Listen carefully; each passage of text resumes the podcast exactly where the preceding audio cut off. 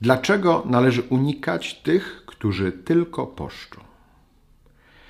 Pisze Ewagiusz do przyjaciela: Unikaj tych, którzy jedynie poszczą. Tacy wprawdzie może nie będą zaślepieni przez wyobrażenia związane z obżarstwem, ale pogrążają się w myślach pamiętania złego i chciwości pieniędzy, i gniewu, i próżności, i pychy.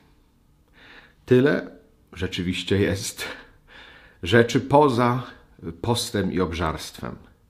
Dlatego, jeżeli się skoncentrujemy tylko na jednej rzeczy, to możemy pominąć inne, które również mogą odebrać nam chwałę.